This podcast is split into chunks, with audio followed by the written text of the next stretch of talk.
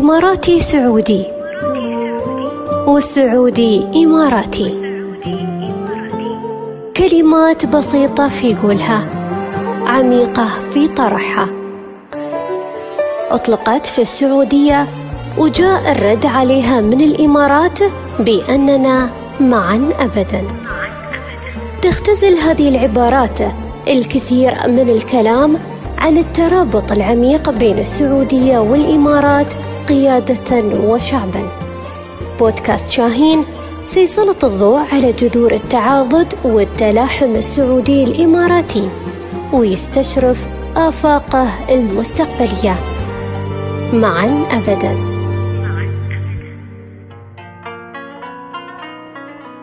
حياكم الله في حوار جديد من بودكاست شاهين بعنوان الذكاء الاصطناعي مع الدكتور هدام بن عبد العزيز التويجري مساعد مدير مركز المعلومات الوطني لتقنيات التعرف والهوية الرقمية. نتشرف بالتحاور معك دكتور في بودكاست شاهين حياك الله. الله يحييك وشكرا جزيلا أختي مريم على الاستضافة وسعيد جدا حقيقة اني أكون معكم اليوم في بودكاست شاهين. دكتور آه، يمن الكثير من قادة الفكر وقادة العالم بأهمية الذكاء الاصطناعي وأهمية أيضا الاستثمار فيه. وتتسابق أيضا الكثير من الدول أن تكون في الصدارة في هذا المجال من خلال إطلاق استراتيجيات وطنية تحقق العديد من المنجزات. ودنا دكتور نتعرف وياك على استراتيجية المملكة العربية السعودية الشقيقة في هذا المجال والمنجزات الوطنية اللي تصبو لتحقيقها. ابدا بكل سرور. طبعا إحنا في ولله الحمد في المملكة العربية السعودية أولت حكومة مولاي خادم الحرمين الشريفين اهتمام كبير حقيقة بالبيانات والذكاء الاصطناعي.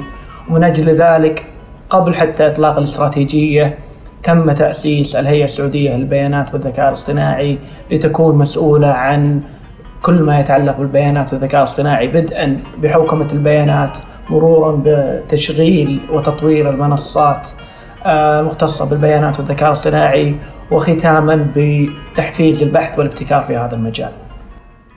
آه، بعد تأسيس الهيئة السعودية للبيانات والذكاء الاصطناعي أيضا آه، قامت حكومة المملكة العربية السعودية بإطلاق الاستراتيجية الوطنية للبيانات والذكاء الاصطناعي نستي آه، واللي فيها نسعى إلى تحقيق عدد من الأهداف والأبعاد الاستراتيجية لخصناها في كلمة أسباير حرف A اللي هو الأمبيشن أو الطموح وفيه نسعى إلى ترسيخ موقع المملكة كمركز عالمي في الذكاء الاصطناعي. آه بعد ذلك حرف S اللي هو سكيلز أو الكفاءات وفيه نسعى إلى تطوير الكفاءات السعودية والقوى العاملة في مجال البيانات والذكاء الاصطناعي. آه بعد ذلك حرف P يرمز إلى Policies and Regulations اللي هي السياسات والأنظمة وفيه نسعى ونهدف إلى بناء وتطوير بيئة تشجيعي تشريعية تكون محفزة ومشجعة للشركات والمواهب في المملكة العربية السعودية. بعد ذلك آه، حرف ال I يرمز لل investment أو الاستثمار وفيه نستهدف إلى جذب تمويل فعال آه، شركات أجنبية آه، وغير ذلك للاستثمار في مجال البيانات والذكاء الاصطناعي. عندنا حرف ال R research and innovation وفيه نسعى حقيقة إلى تمكين المؤسسات المتخصصة في البيانات والذكاء الاصطناعي. لأداء كل ما يتعلق بالبحث والتطوير والابتكار ختاما حرف ال E أو ال ecosystem المنظومة وفيه أيضا نسعى إلى تحفيز تبني تقنيات البيانات والذكاء الاصطناعي من خلال آه، المنظومة وذلك عن طريق الجهات الحكومية، القطاع الخاص والقطاع الربحي وغير ذلك. نعم دكتور آه، القطاعات الحيوية اللي تستهدفها هذه الاستراتيجية طبعا آه، الاستراتيجية الحقيقة استهدفت عدد من القطاعات المهمة والحيوية. أقدر ألخص أهمها في قطاع التعليم القطاع الحكومي القطاع الصحي آه، قطاع الطاقة. بالإضافة إلى قطاع النقل والمواصلات. نعم دكتور هل نقدر نحن نقول اليوم نحن جاهزين من ناحية البنية التحتية آه لتوظيف هذا الذكاء الاصطناعي ولتوظيف هذه الاستراتيجية؟ آه ولله الحمد يعني الاستثمار في البنية التحتية الرقمية في المملكة العربية السعودية بدأ آه منذ وقت طويل. ولله الحمد اليوم إحنا نجني آه ثمارة. مع التقنيات الجديدة والحاجة إلى بنية تحتية متينة الحمد لله استطعنا تبني كثير منها بسبب آه، توفر البنية التحتية. آه، ولله الحمد المملكة اليوم آه، الإنترنت مثلا 99% واصل إلى البيوت. تصنف المملكة من أفضل عشر دول عالمية في سرعة وجودة الإنترنت. الإنترنت واصل إلى أكثر من ثلاثة ونص مليون منزل مغطى بالآلية البصرية. عندنا ولله الحمد تحرير للطيف الترددي بالاتصالات مما زاد النطاق تردد لشركات الاتصالات بنسبة 226% وهذا يعتبر رقم جدا كبير. ولله الحمد المملكة احتلت المركز الثالث عالميا والأول في الشرق الأوسط من ناحية ال 5 جي وحيث بلغ عدد الأبراج أكثر من 5400 برج موزعة في أكثر من 30 مدينة في المملكة. آه، كل هذا ساعدنا إلى تمكين آه، تقنيات آه، إنترنت الأشياء واللي أيضا تلعب دور كبير جدا في إنشاء البيانات اللي بعد ذلك تستخدم في الذكاء الصناعي.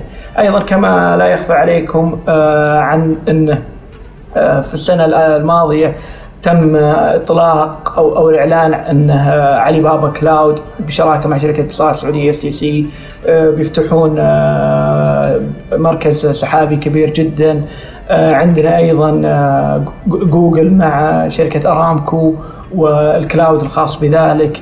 بالإضافة طبعا إلى العمل الجبار اللي قام فيه مركز المعلومات الوطني في الهيئة السعودية للبيانات الذكاء الاصطناعي من بناء بنك بيانات وطني. جمعنا فيه جميع البيانات الحكومية. بالإضافة إلى بناء ال G-Cloud أو السحابة الحكومية اللي دمجنا فيها مراكز البيانات الحكومية.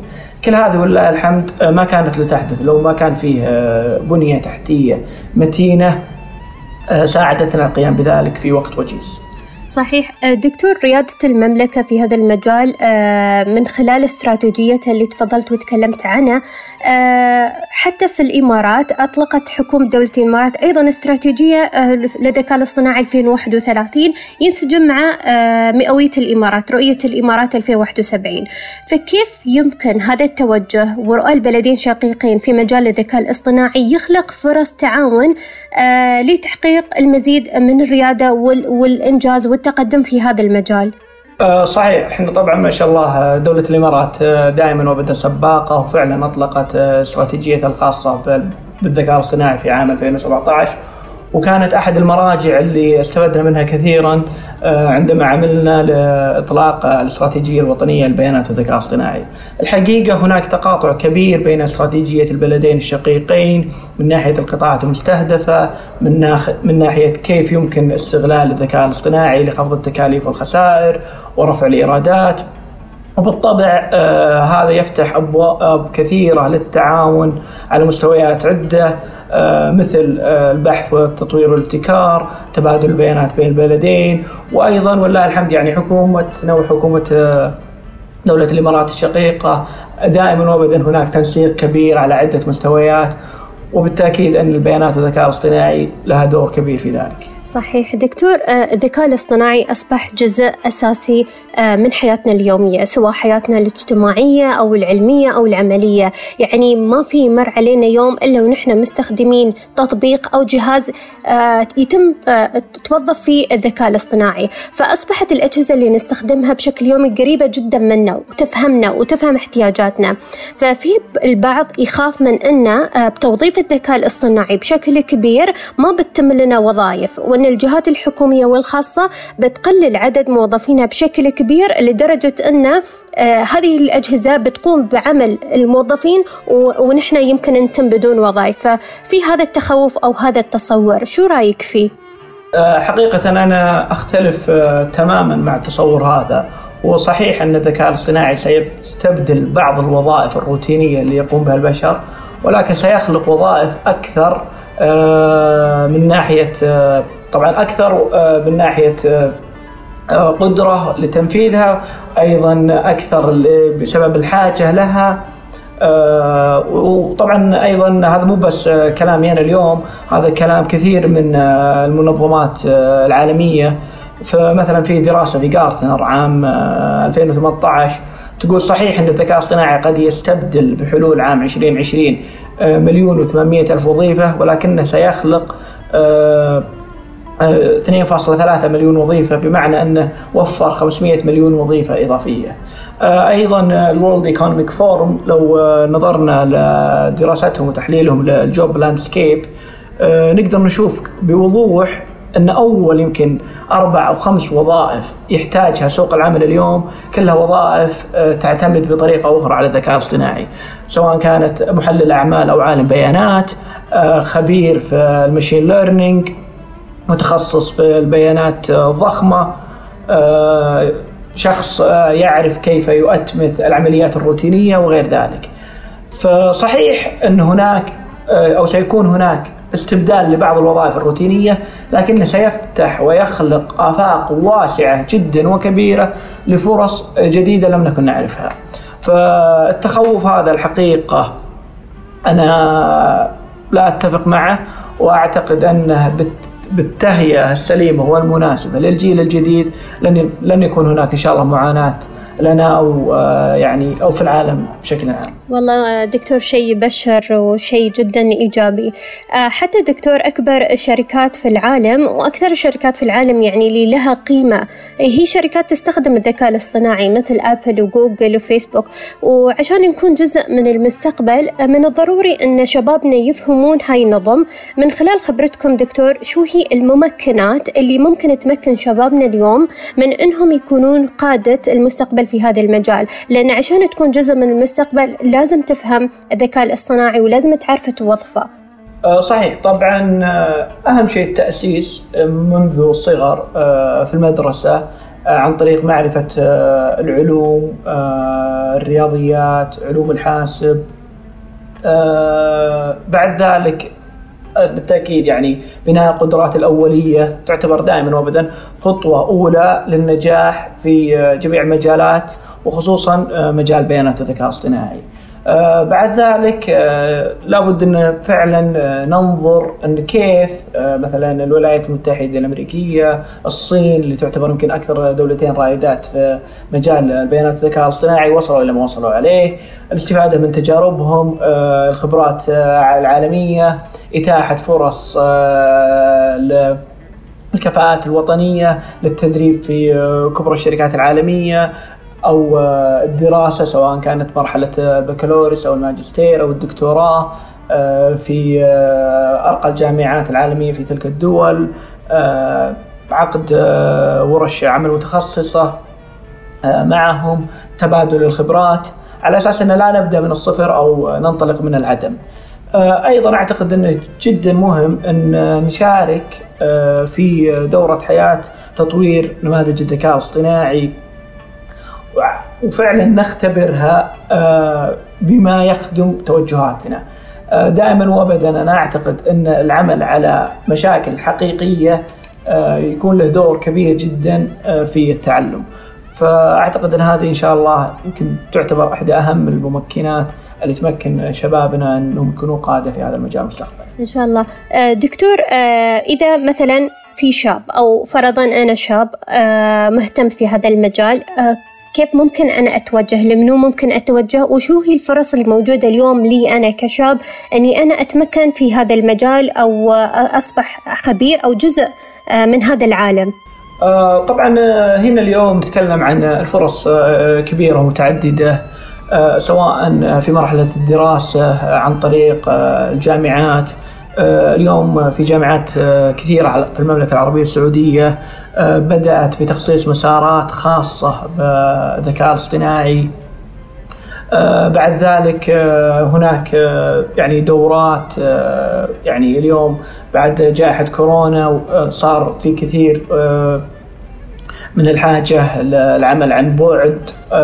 أيضا هذا نقل لنا فكرة التعليم الإلكتروني والاستفادة من المنصات التعليمية كلها تتيح آه، كم هائل من آه، الدروس والحلقات العلمية اللي تساعد الشباب والشابات العمل في ذا أول شيء للعمل على مشاكل والتعلم آه، أساسيات خلينا نقول علم الذكاء الاصطناعي. آه، بعد ذلك آه، فرص العمل اليوم آه، في السوق تطلب الخبرات هذه كثير من الشباب والشابات حتى ولو كانوا يعني حديثي عهد بالتخرج إلا انه عند توظفهم يعني يبدون العمل يتعلمون من أقرانهم من زملائهم مما بالتاكيد بيرفع من خبرتهم العلمية والعملية. صحيح دكتور دكتور ودي أنا يعني من خلال هذه الحلقة اليوم معاك وبتواجدك ودي أقدم أيضا دعوة لجميع الشباب اللي في السعودية في المملكة العربية السعودية الشقيقة أن يسجلون أيضا في المنح الدراسية اللي موجودة في الإمارات مثل المنح الدراسية المقدمة من جامعة محمد بن زايد للذكاء الاصطناعي. هي تقريبا أول جامعة على مستوى العالم للدراسات العليا المتخصصة ببحوث الذكاء الاصطناعي. فهذه دعوة أيضا آه، نستغل الفرصة بما أنك موجود آه، الله يحفظك معنا في هاي الحلقة بخصوص الذكاء الاصطناعي. فدكتور آه، كلمة أخيرة حاب توصلها للمهتمين بهذا المجال توصيات كلمة حاب تقولها؟ طبعا في البداية أنا أعتقد أن البيانات والذكاء الاصطناعي يعتبران ركيزتان أساسيتان من ركائز اقتصاد المستقبل. البيانات الذكاء الصناعي ستلعب دور كبير جدا في انتقال آه، الدول إلى مصاف آه، اللي تقود العالم. فأعتقد انه مجال جدا مهم، الاستثمار فيه جدا مهم، بناء القدرات والكفاءات الوطنية جدا مهم على أساس إن شاء الله أن نحقق فيه طموح قياداتنا الرشيده.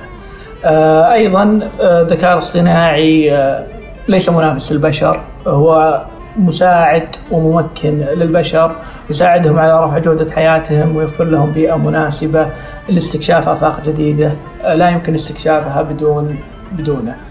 آه، الحقيقة شاكر لك أختي مريم جزيل الشكر والتقدير على الاستضافة وأتمنى أني ما كنت ضيف ثقيل عليكم اليوم. دكتور هدام بن عبد العزيز التويجري ممتنين نحن جدا لإعطائنا من وقتك ولإثرائك هذه الحلقة من بودكاست شاهين. الشكر لكم حقيقة.